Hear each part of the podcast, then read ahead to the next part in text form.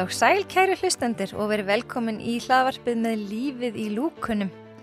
Viðmælendi minn í dag er Áslaug Kristjánsdóttir sem er bæði hjúgrunarfræðingur og kinnfræðingur og við ætlum að spjalla um kinnlíf og helsu. Áslaug gaf nýverðu út bókina Lífið er kinnlíf sem er handbók kinnfræðings um langtíma sambönd. Þetta er bók sem að öll pör þurfa þeiga og lesa aftur og aftur. Verti hjartanlega velkomin Áslug og til hamingju með bókina. Takk fyrir. Ég byrja nú alltaf að spyrja aðeins bara hver, hver er maðurinn? Hver er Áslug? Já. Já, ég er sem sagt miðaldra kona sem er búin að gera í mislegt en kannski það sem skiptir mestu máli hér er að ég er einmitt hjúgrunafræðingur og kinnfræðingur og kinnlífsraðgjafi og, og starfa í dag sem kinnlífsraðgjafi. Það er svona það sem ég geri og svo er ég líka stundum fyrirlesari og svona og reyndar er líka stundakennar í þreymur háskólum, já, sem finnst ég verið að gera margt. Svo er ég líka mamma, ég á þrjú börn og ég er eiginkona og búin að vera það einar í 22 ár núna, þannig að, og dóttir. Já, það eru mörg hlutverk. Já.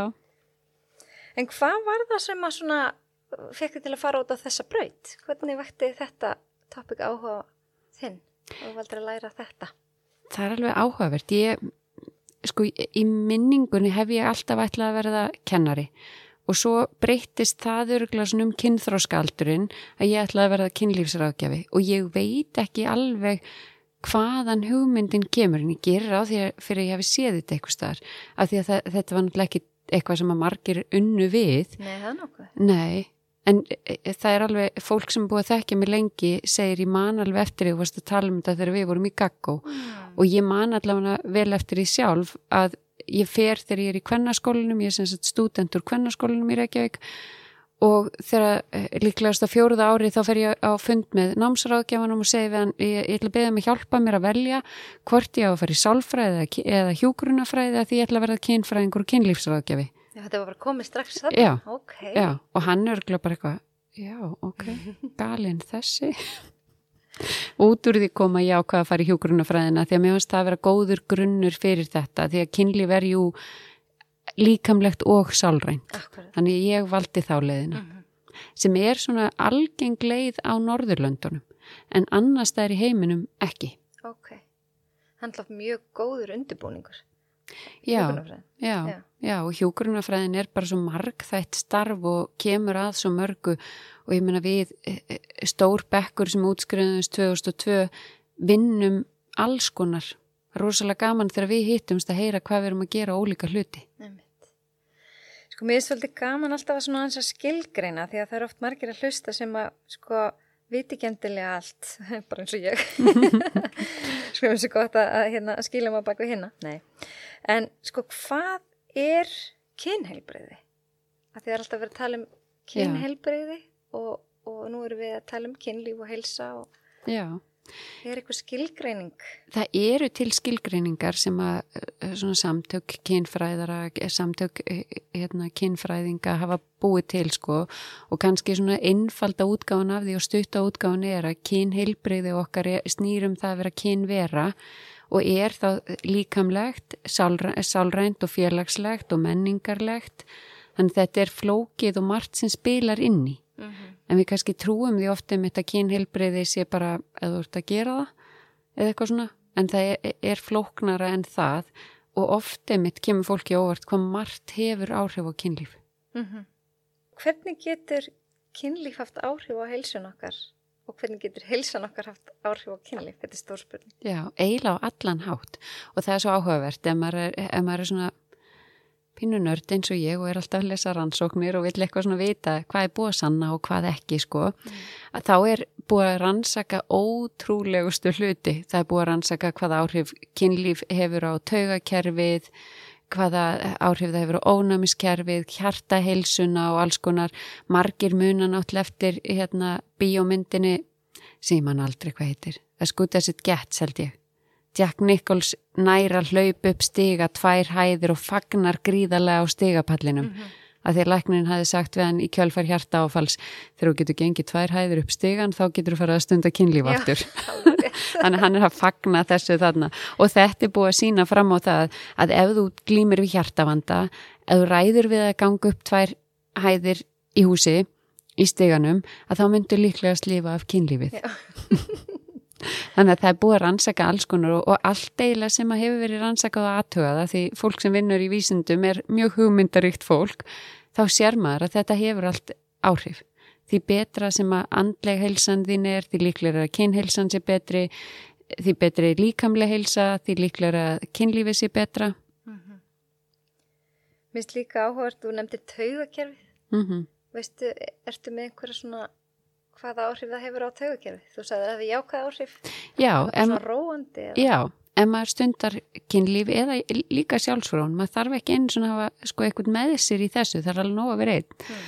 að þá hefur það róandi áhrif á taugakerfið og ég segja það nú svona oft eh, í grínin, þetta er aldrei alveg líka sko, ef ég hefði kosið að verða læknir og verða heimilislæknir og var endalust að fá til mín fólk sem var að segja ég get ekki sofið, ég get ekki sofið þá myndi ég líklegast vilja skrifa upp á sjálfsfróunarseðla í staðin fyrir lifi, prófum þetta í fjóra vikur og svo kemur aftur og kannski þartu sveflif og kannski ekki. Þú veist, af því að ég held að ég trúi því einhvern veginn þannig að náttúrun hafi gefið úlingum þetta, svo erfitt að vera úlingur og þá fyrir alls konar hormóna ójabbi í gang og eitthvað svona, mhm. -huh. en einhvern veginn verður þessi grei að komast í gegnum það. Þá fyrir við að fá þetta vita að stunda sjálfsfróun. Akkurat En hver er svona algengasta ástæðan þess að pör leiti til þín eða einstaklingar? Er það oftast pör kannski? Ég, ég er svona, meiri hlutin er örgulega pör en tó, þó nokkuð samt af einstaklingum mm. og kannski einstaklingarnir koma frekar til þess að vinna með kynverðin og sína eða langar að fara í samband og óttast ymsa hluti tengda því og eitthvað svona og þá oft einmitt eitthvað svona kynveru tengda hluti að það mun ekki standa sér í kynlífi, kunni ekki þetta og kunni ekki hitt og eitthvað svona mm pör koma mestmægni svona algengast ástæðan, þau koma af ímsum ástæðum, en algengast ástæðan er mismunur í kynlöngun í parsambandi. Mm -hmm. Að tveir aðilar hafi ekki sömur löngunna og ná einhvern veginn ekki að vinna úr því þannig að báðir aðilar sé ánaðir sko. Mm -hmm. En auðvitað stundum er þetta líka bara svona skýr vandi það löngunni til staðar en líka minn funkar ekki eins og ná að gera rísvandi eða þurkur í legungum sársöki við samfarir get ekki stund að samfara af því að þú eh, getur ekki komin einu inn í legung Hverju ráðlegur þá þessu fólki sem kemur með þennan vanda að vera mismikla kynlöngun? Það er kannski ekki einfalda ráðlengingar eða eitthvað svona eitt ákveði ráð eða eitthvað svoleiðis en almennt hjálpar að ræða orsakirnar, hvað veldur því að þið hafi mismikla löngun? Sá sem hefur minni löngun og það er alveg svolítið þannig líklegast að maður fókusir svolítið á það, auðvitað er það ekkit endilega betra að vera alltaf að þrýsta á kynlífa því ég hef svo mikla löngun sko. En maður fer svona að spurja út í þetta. Þú veist, afhverju, ég spyr svo sem afhverju hefur svona litla löngun en ég spyr líka afhverju hefur svona mikla löngun? Mm -hmm kanntu aðra leiðir til að sefa þig en að stunda kynlífi að þartu alltaf makan til þess að sefa þig? Að því stundum notu við kynlífi í því skinni sko. Mm, en líka bara hvað stoppar? Af því það er nú algengt að það gerist að fólk kemur til mín sem segir að það hafi litla eða enga löngun en það langar ekki að vera þannig. Ef þú hefur litla eða enga löngun og þér er alveg sama þig langar bara alveg að vera þannig þá ger ég ekki neitt ég er ekki að vinna við það að pína fólk sem vill ekki stund að kynlífa að gera það sko eða langa til þess Og finnst þið mikill munur á sko karlmönnum og, og hvernmönnum í hver, hver vandin er sem leita til því? Nei, nefnilega ekki og það er það sem er svo áhugavert við þetta að því við trúum því að allavega ég er alveg þannig upp að kallar vilja alltaf kynlíf, konur aldrei konur eru kynkaldar og eitthvað svona sko og bara mjög ljót og leðilega orð sem voru nótuð þegar ég var úlingur og, og kannski eh, ung kona uh mhm. -huh. en ég sé það ekki, það kemur alveg ég hef aldrei talið það sko en það er alveg nálagt helmingurinn sem að hefur í gagkinja samböndum að kallin hefur meira áhuga eða að konan hefur meira áhuga.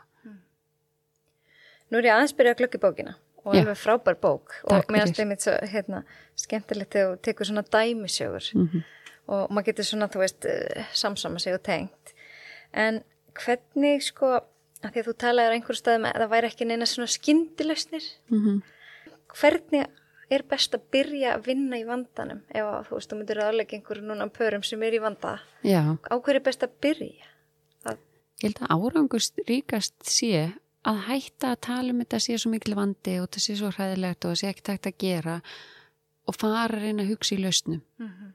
Ok, ef, ég, ef við erum ekki með jafn mikið áhuga og þú upplifir ég er að þrýsta á þig og ég, ég upplifa að þú sért að hafna mér og eitthvað, getum við reynda að endur stilla þessar hugsanir okkar, hvernig getum við unnið saman þannig að komist eitthvað jafnvægi á sko? Og það er náttúrulega oftast það við förum bara í öllum ástarsamböndum þá þegar makinn gaggrínir mann þá fer maður í vörn eða árás. Það er bara mjög erfitt að láta gaggrína sig og taka því ekki persónulega. Þannig að þú veist, þetta er svo erfitt ofta að ræði þetta og fólk fer í einhverja pattstöðu, fólk svona fer að íkja stórlega eh, sannleikan sem gildi, eða sannleik skildið í þessum hugsunum sínum sko.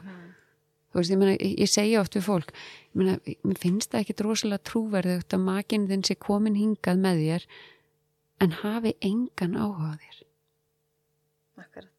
Er ekki líka oft bara erfiðast að byrja að ræða þetta? Fólk svo, finnst þetta svo svona viðkvæmt og eldfind málefni og Jú, jú og bara oft líka, alveg fólki en kannski aðeins meira konum oft, finnst erfið þessi tilhugsun að þurfa að gera sig graðar, að, að, þetta sé eitthvað sem við höfum vald yfir.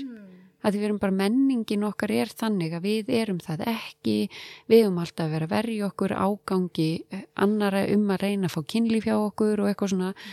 Þannig að við kunnum ekkit endilega rosalega vel að búa til kynlöngun. ég skil. En hún er nefnilega ekki þannig að hún bara komi að sjálfu sér og þú veist, það sé bara eitthvað, æ, þú veist ókslega heppin eða já, þið eru náttúrulega svo, pa- passið svo vel saman, þú veist. Þetta er vinna. Já, já, ég forðast orðið vinna í þessu samhengi bara því að ég vil kannski ekki tengja það að því það er oft ekki, það er bara svona gildislæðið orð, sko. Eitthvað neikvætt. Já, en ég segi oft, þú veist, það þarf að hafa fyrir þessu. Já. Það er ekkit ástarsamband sem dafnar og þú hefur ekkit fyrir því. Nei. Heilsan þín dafnar ekkert ef þú hefur ekki fyrir henni. Mhm. Vinnan dafnar ekki ef þú hefur ekki fyrir henni. Mhm. Af hverju ætti kynlíf að virka eitthvað öðruvísi? Akkurat. En fólk langar rosalega að virka öðruvísi.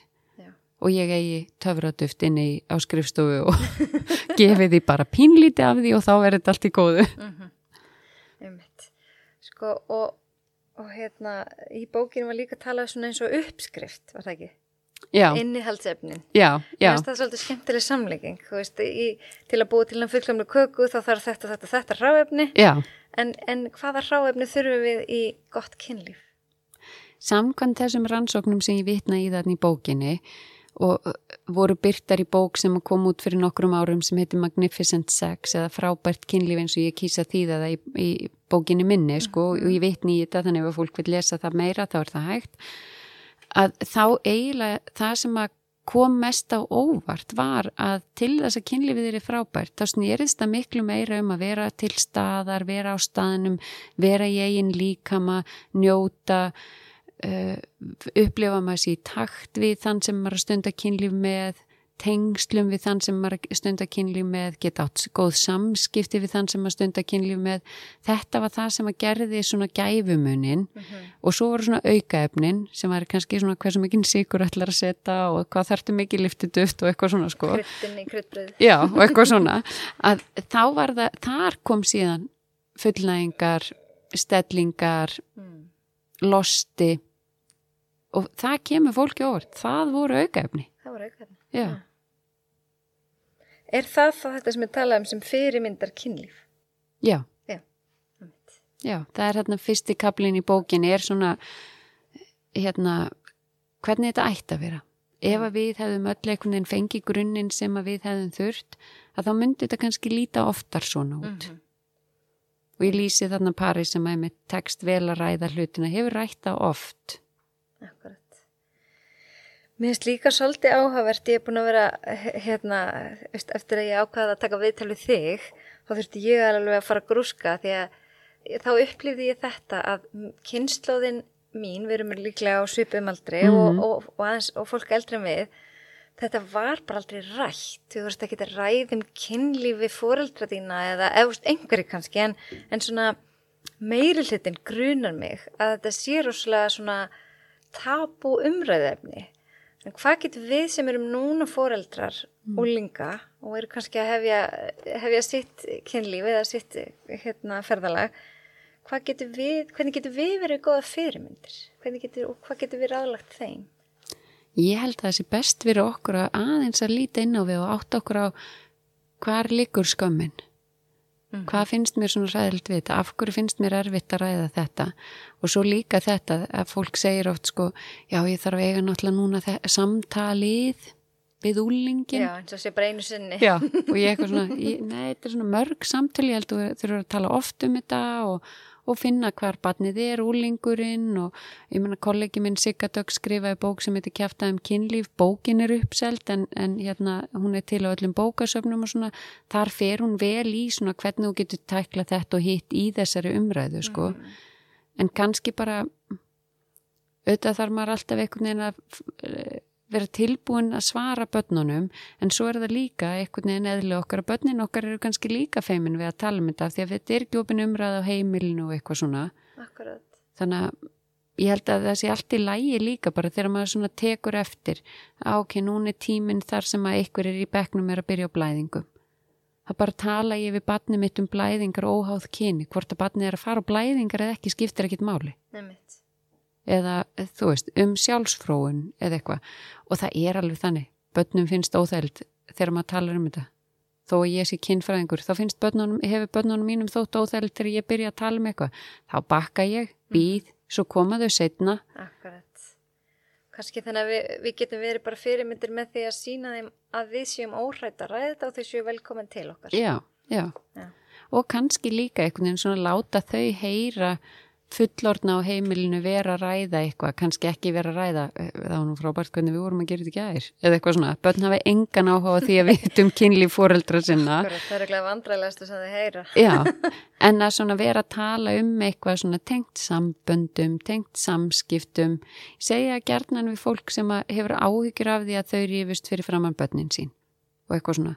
Við séum það er allt í lagi að rífast fyrir framann börnin en við verðum þá líka að leifa þeim að sjá hvernig við sættumst.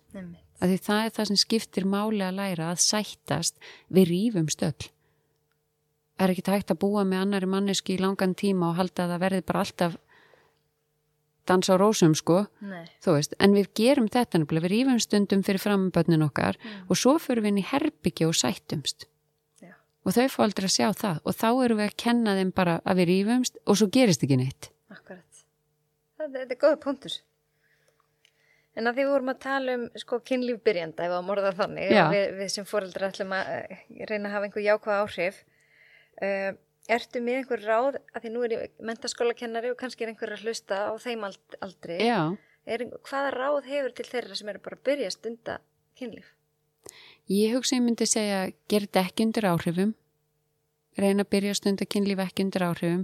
Ég held að það sé hjálplegt að stunda kynlíf nokkru sinnum með einhverjum eh, einum aðila eða sama aðilum aftur nokkru sinnum að því eh, það líka allavega svona mín kynslu var svolítið alveg fyrir það að maður væri reynslu mikill í kynlíf ef maður hefði sofið hjá mjög mörgum okay.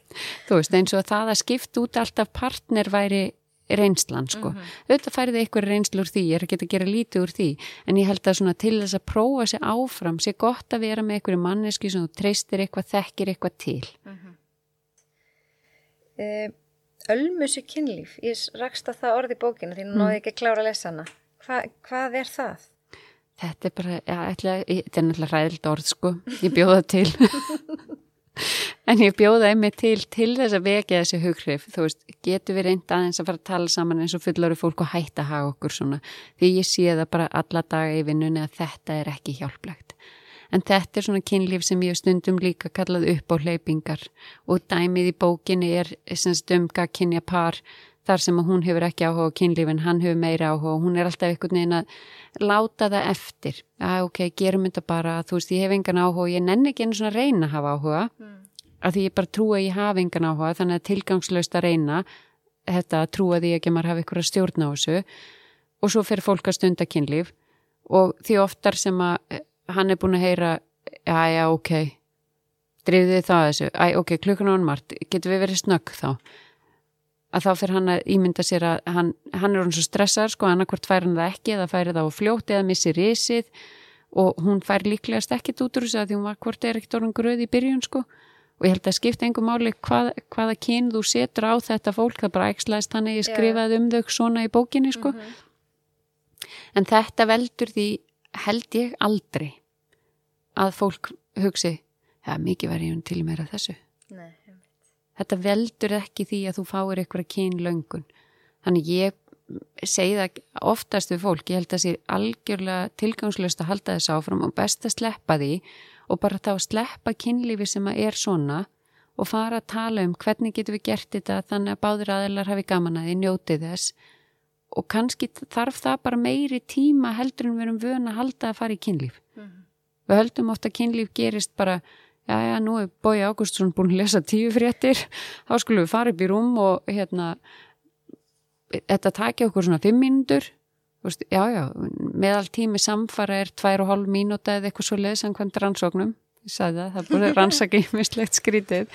En kynlíf er kannski ekki bara eh, síðasti parturinn sko. Nei, akkurat, en það eru margir sem tengja að ef það er ekki fullnæging þá er það ekki kannski finnst þeim ekki nógu gott kynlíf. Það, það er oft svolítið stór miskilning Já, já og það er einmitt og, og það er alveg áhugavert líka sko að almennt er það meira þannig að sá sem fekk það ekki í þetta tiltegna skipti er meira svona, þú veist, mjögst að næs við tengdumst þetta og gott eitthvað svona en hinn er, hefur meira áhugjur þetta fyrir að verða eins og eitthvað svona debit kredit sko.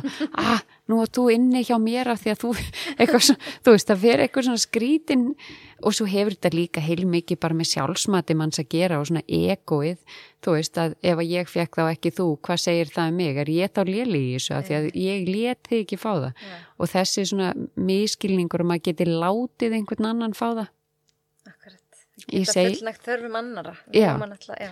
og maður getur ekkit látið eitthvað fá það því að maður getur alveg hjálpa til við og maður getur verið næs og kannski eh, eh, snert rétta staði og eitthvað svona en sá sem maður ætlar að fá það verður að geta sleft takinu, slakað á og þá mögulega gerist það mm -hmm. ef að, eh, þú veist, þú ert að snerta rétta staði en viðkomandi slakar ekkit á og næri ekkit að detta svona í mómentið þá bara gerist það líklegast ekki mm -hmm. En hvaða ráð hefur til þeirra sem að er, segja þú veist, við höfum engan tíma? Því það er náttúrulega, annarkvörtir úlingarnir farnar að vaka lengur en mm. fóröldrarnir eða það eru bara döður eittir eftir vinnu, þú veist, þú hefur örgulega hértið allt. Já. Hvað er aðleikur í þeim? Kanski að ræða hversu mikill tími á að fara í þetta. Og í alvöru talað, hefur maður ekki tíma? Hefur maður ekki tíu myndur? Sko, kynlífi sjálf nefnilega tekur lítinn tíma en getur maður kannski að meðan maður er að keira heim úr vinnunni eða er að svæfa börnin eða eitthvað verið að hugsa jákvæðar kynferðslegar hugsanir, eitthvað sem að kemur manni til mm -hmm. þannig að auki líkunar og vilja gera þetta á eftir að heldur og kannski fyrir mjög marga virkar líka svona gefið svo að skipulegja þetta aðeins mm -hmm. að við ætlum að stunda kynlíf í þessari viku þessi þarna dagur er hendugur að því að þá erum við að vinna minna eða eitthvað svona sko ok, og hvað ætla ég þá að gera þannig að það verði auknar líkur á því að verði kynlíf? Maður þarf bara því miður að hugsa þetta svona. Bara setja þetta í dagbókina? Já, ég menn sumum hendar að setja þetta í dagbókina og þú veist, aðrir eru með það svona meira á bak við eirað en ég menna flestu fólki sem að gengur að stunda kynlíf til lengri tíma með makanum sínum er fólk sem er meðvitað um mikilvægi þess mm -hmm. og er að leggja sér fram. Akkurat. Þannig að þú myndir segja að kynlíf sé mikilvægur þáttur í samböndum. Já, ég held það fyrir lang flest pör að þá skiptir kynlifi miklu máli og það er oft talað um þetta og svona auðvitað við kynfrængar segjum þetta, þú veist að þegar að kynlifi gengur vel og það er einhvern veginn nökralaust og allir aðeinar eru ánæði með það og eitthvað svona þá tekur þetta upp svona 5% af hugarorkunu okkar við erum ekki að dvelja meira við það en það mm -hmm. þegar þetta gengur ekki þá verður þetta 95% af því sem þú hugsar þannig eitthvað hlýtur það að gefa til kynna mikilvægið mm -hmm. hversu mikil þjáning það er þegar, þegar fólk upplifir að kynlífi gangi ekki, þá líður því almennt mjög illifir því. Og kannski þú eru heldur ekki að tala um það við aðra, þannig að þess vegna er það bara í huganum til Já. yfir tekur allt. Já, einmitt og gjarnan er það þannig að þegar parið byrjar að ræða kynlífið og áhuga leysi og eitthvað svona, þá fer það í vörn og sókn og eitthvað og það verður engar lausnir og því líður bara alveg jafn nýtla eftir það Já. og svo ferði ekki kannski vinnuna að tala við vinnina að því við upplifum líka að kynlíf er svo persónulegt að maður vill ekki brjóta trúnað að því maður er kannski, menn, það, geta allir tala um sína einn sjálfsfróuna því að hún er jú bara þín en að tala um sambandit við makan þá verður makin náttúrulega að vera sammála því hvað er rætt og hvenar og hver má vita og Einmitt. Akkurat. Og það er kannski meira konur sem tala við vinkonur um svona málefni að ég hef heyrt allavega hana. Strákar þegar þeir hittast er ekkit endilega að tala um, um vandamálin. Nei, þarna sé ég að því að ég er svo ótrúlega heppin og fólk segja mér svo margt inn, á, inn í lokuðu herbyggi þar sem ég er bundin trúnaði. Veist, þannig ég fæ alveg svo indislega insýn í líf fólks og þar finnst mér ég alveg sjá að þetta er ekkit eins kynjað eins og við viljum einhvern veginn trúa kannski. Ok, frábært. Já, en það er alveg, sumar konur eiga svona vinkonuhóp, sumir menn eiga svona vinkonuhóp, en það er ekkit endilega algilt. Nei. En finnst þér þetta að hafa breyst með kynnslóðan? Ég veit það ekki. Sko við erum opnari, ég upplifi það alveg þannig að við erum opnari fyrir hins einleika sem Já. betur fyrr. Þú veist, ég menna ég er bara árinu eldri en samtökin 78, þú veist. Þannig ég, mér finnst að það mín upplifun að það verður opnast á það einhvern veginn að ræða alls konar, við- að það sé alls konar til en ég hef ekkert kannski endilega trú á því að við séum orðin frjálslindari eða megum tala um náinn mál. Við bara skiljum kannski betur að það er ekki allir eins en mér finnst við ekkert skilja samt einhvern veginn á dýbra leveli og hvað þýðir það. Og ég meni ég man eftir því þegar ég er úlingur þá var nú bara hérna berbrjósta kona í auglýsingu fyrir bláa lónið og eitthvað bara í blöðunum. Já, já. mikið af konum voru berbrjósta á syndlega bakkanum þar sem ég er alveg upp þegar á góðviðri stögum. Þannig að ég- auðvitað var ég pínu hissa þegar síðan vor, var komið að fríða nippul. Þá var ég svona, já ok einmitt. Þarna finnst mér hafa orðið afturkvarf Mhm. Og við heyrum það alveg líka eins og í hins eginn baráttunni sko að það er líka verða afturkvarf sko. Þannig ég veit ekki alveg hvort ég trúi því að við séum að verða opnari eða hvort við séum bara að verða jafnvel íhaldsamari Já. mjög viðkvæmt og auðvitað bara öll mannleg samskipti eru viðkvæm. Mm. og þess vegna líka, emmitt, hvað myndi ég ráðleggja ungu fólki sem er að hefja sinn kynlífsferil? Vera allskáð af því það er bara auðveldar að lesa í samskipti það er auðveldar að einhvern veginn vera trúr sjálfum sér hlaup ekki fram úr sér eh, fari ekki yfir mörg annara af því að maður er ekki færum að lesa í þau Einmitt. En ég skil líka alveg og ég hef heyrt það að það sé algengt umræði efna á veitir þegar fólk er að takast á við það að fara að lifa edru sko, að það sé erfitt að hugsa það, og hvernig á ég svo að fara að stunda kynlíf. Þekkir ekki annað en að vera undir áhrif. Já, og þetta er berskjaldandi, hvað með góður. Að vera allsbyr með annari mannesku og eitthvað að segja hvað maður vill og hvernig maður vill að þetta er berskjaldandi. Mér er svolítið flott kyn, hérna, kynfræðikennari hérna í skólanum í MH, hún Karen. Mm. Einhvern tíman heyrði að hún var að, ég vona ég með þessu, eh, að hún líkti þessu við að panta pitsu. Mm Ef að við varum að panta pitsu saman, þá Já. spyr ég, finnst þér skinka góð? Já, Og þú segir nei, ok, þá sleppum við pitsunni á, nei, skinkunni á, á pitsuna. Mhm. En borður, hérna, ólífur. Já, og þá pöntum við pitsu með ólífum. Af því okkur finnst það báðum gott. Og hún sagði þetta, kynlífur eins, við þurfum að ræða saman. já. Hvað finnst okkur báðum gott og gera það? Já, og kannski með degu svo rosalega erfitt með að segja hvað okkur þykir gott af því að við skömmumst okkar fyrir það. Að við höldum að sé eitthvað, þú veist, þannig oft er það líka jafnvel þegar fólk er að reyna hvað, hvað finnst þér gott og hvað við, ég veit ekki, bara ekki neitt, eða þú veist, bara gerð þú bara eitthvað og um minnum mann langa kannski ekki að vera, panta pizza og bara, pantaði bara eitthvað, svo borðið ég hann ekki. Nú þá þarf ég að panta aðra, þetta verður daldið dýrt sko. Mér finnst svo skemmtilegt hvað fólk er sko ólíkt. Ég á eina vinkonu sem að hérna, bara segir óspart frá því að hún á stórun dótakassa með kynlífstækjum og allt þetta og, og hún geymir bara það sem börnin en að sjá hann þess vegna. Og hérna, en ég var einhvern veginn alveg upp, þetta væri allt svo mikið feimnismál að mér þótti mér sé að bara óþægilegt að ganga alveg inn á bókakynninguna þína inn í blöss að því vinkona mín hætti að koma með mér. Og ég hugsaði bara, og ég ganga alveg þarna inn í blöss eins og það sé eitthvað ræðilegt Já. en þetta er bara eitthvað, ég veit ekki hvað þetta er í manni svo var þetta æðislega falleg verslun ég veldur að koma þetta inn, þetta var bara Já. ekkert mál og ótrúlega gaman að fara á kynninguna og Nei, mitt og ekki dónaleg vestun. nei, einmitt Já, og þetta er á að vera svo sjálfsagt já.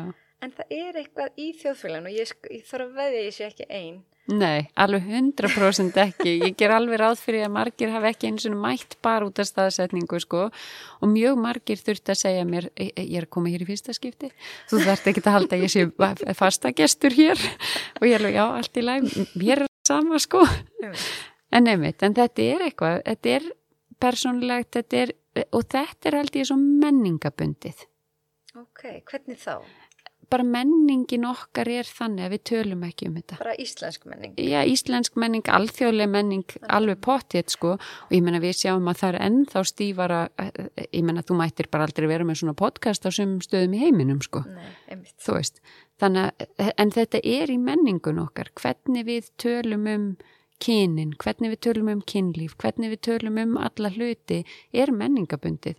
Það er við sem ákveðum það hvað er eðlilegt og hvað ekki sko. mm Þannig að, einmitt, ef maður er alveg upp í þeirri menningu að maður eigi að skammast sín fyrir þetta og það sé eitthvað rosalega vandraðalegt að eiga kynlífstæki, þá finnst manni það vandraðalegt. akkurat akkurat Við erum líklegast bara svolítið eins og svampar, sko. Tökum bara inn það sem við sjáum. akkurat Hva, hver eru skinfærin fimm? Það eru, eh, hérna, þau, þú getur bent á þau öll á, á höfðinu, sko. Það munnurinn, nefið, augun, eirun og húðin. ok Já. Og hvað hva getur sagt okkur um þau í tengslum við kynlíf?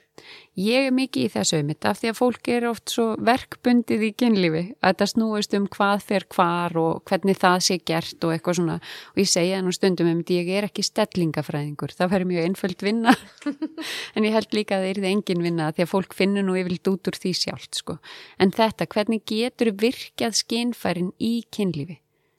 Hvernig getur nota lyktarskinnið, heyrnina, augun, þú veist, hvað sérð og þar set ég líka og ég veit að heilin er ekki skinfæri en eh, hvað sérðu fyrir þér? Þú getur líka nota ímyndunaraflið.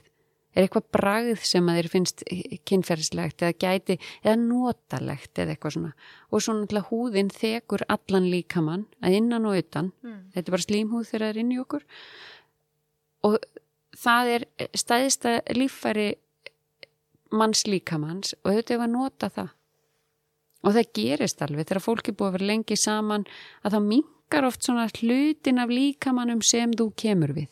Þegar við erum að byrja saman þá er ég að strjúka rækslirnar og handleggina og lappirnar og eitthvað. Svo þurfum við búin að vera smástund saman þá veði ég píkunaður og brjóstunaður Blákalt. blákalt. Og, fólk, og fólki verður auðvita hvert við. Bara hva, hvað ertu að gera? Já. Nú ég held að við erum að fara að gera eitthvað en kannski byrja aðeins fjær miðju Hitta upp. já, já hann er svona leika sér með það sko. Mm. Hva, og líka og þetta nota ég mjög mikið þér finnst kyn veran í þér vera bara eilorðin döið eða bara þú upplifir enga löngun prófaðu þetta í einhver nokkur skipti taktu eftir farðu bara út í búð og kauftu eitthvað þrjá hluti sem þú heldur að væri notalegt að borða. Mhm. takt eftir skinjunni að borða. Hvað lykt er örfandi fyrir þig? Hvað lykt er góð, hvað lykt er róandi? Hvað lykt er sexy? Við þekkjum okkur ekki nógu vel, sko.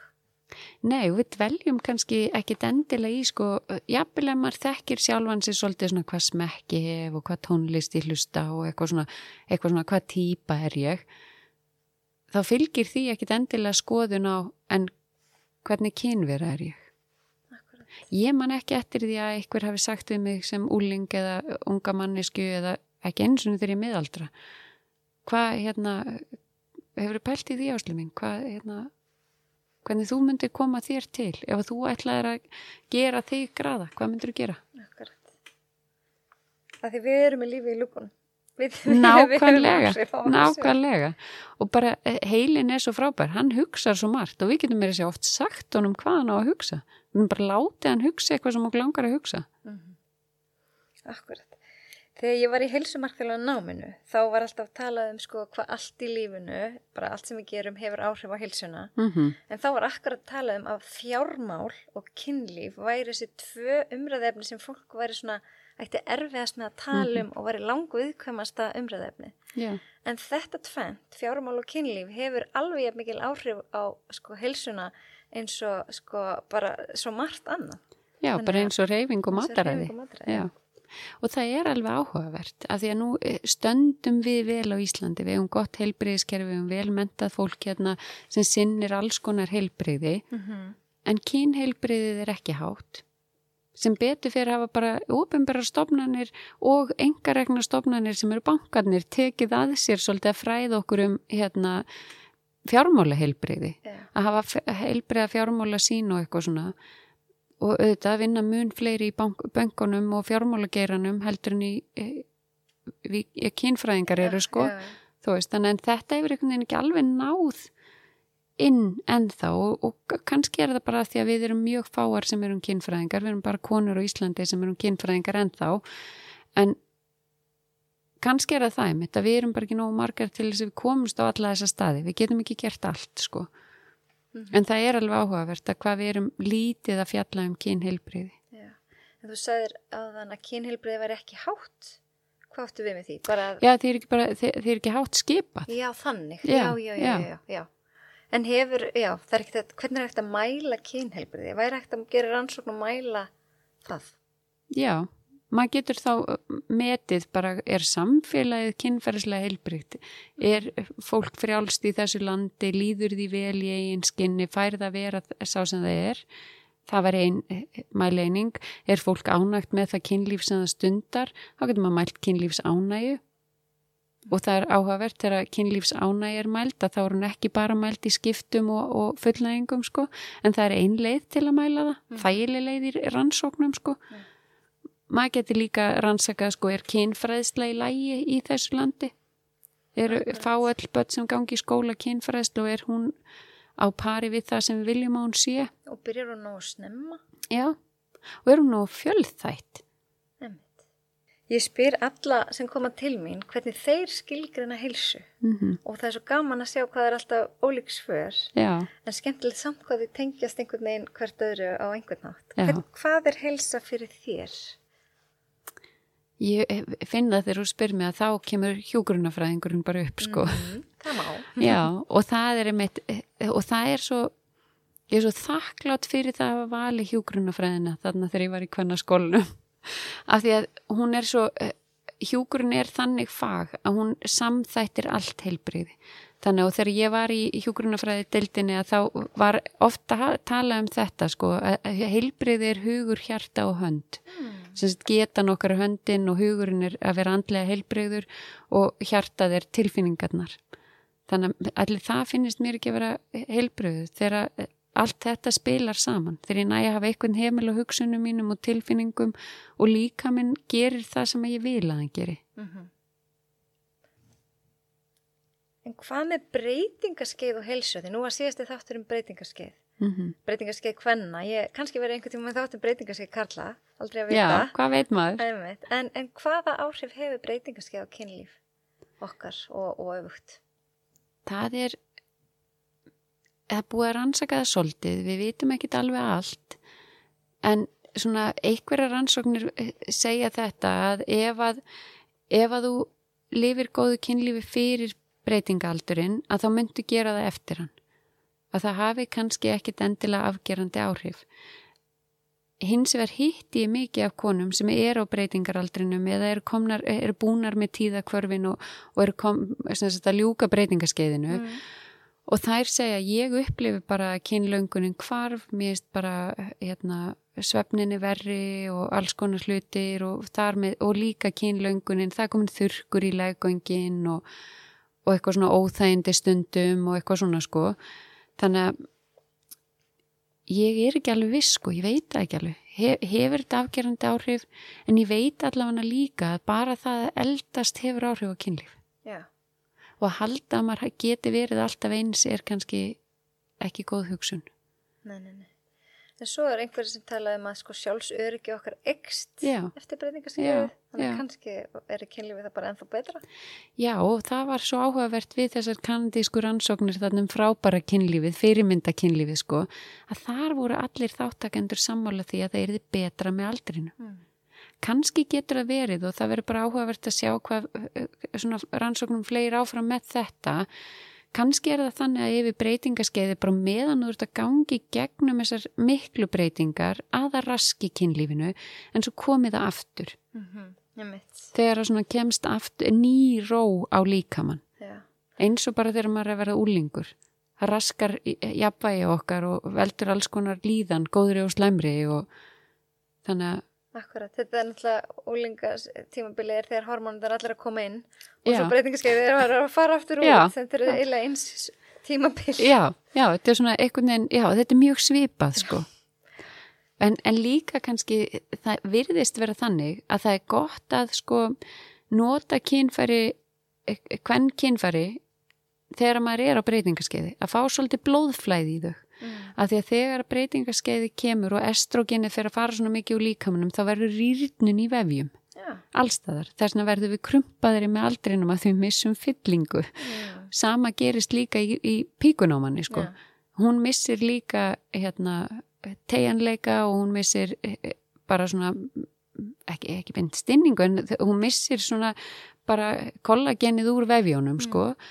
þannig að þá er hjálplegt að halda blóðflæðinu þannig að það er gott að vera virkur Já. Use it or lose it. Já, já, liggum við sko. Það Nú, þetta hefur nú oft komið akkurat þetta orða tiltæki hef ég oft lesið í þessu samhengi í fræðigreinum. Það lítur út fyrir það að niðurstuðar þessar rannsóknar segja að þú verður að use it or lose it. Ok. En ég menna, hún dettur ekki af, sko.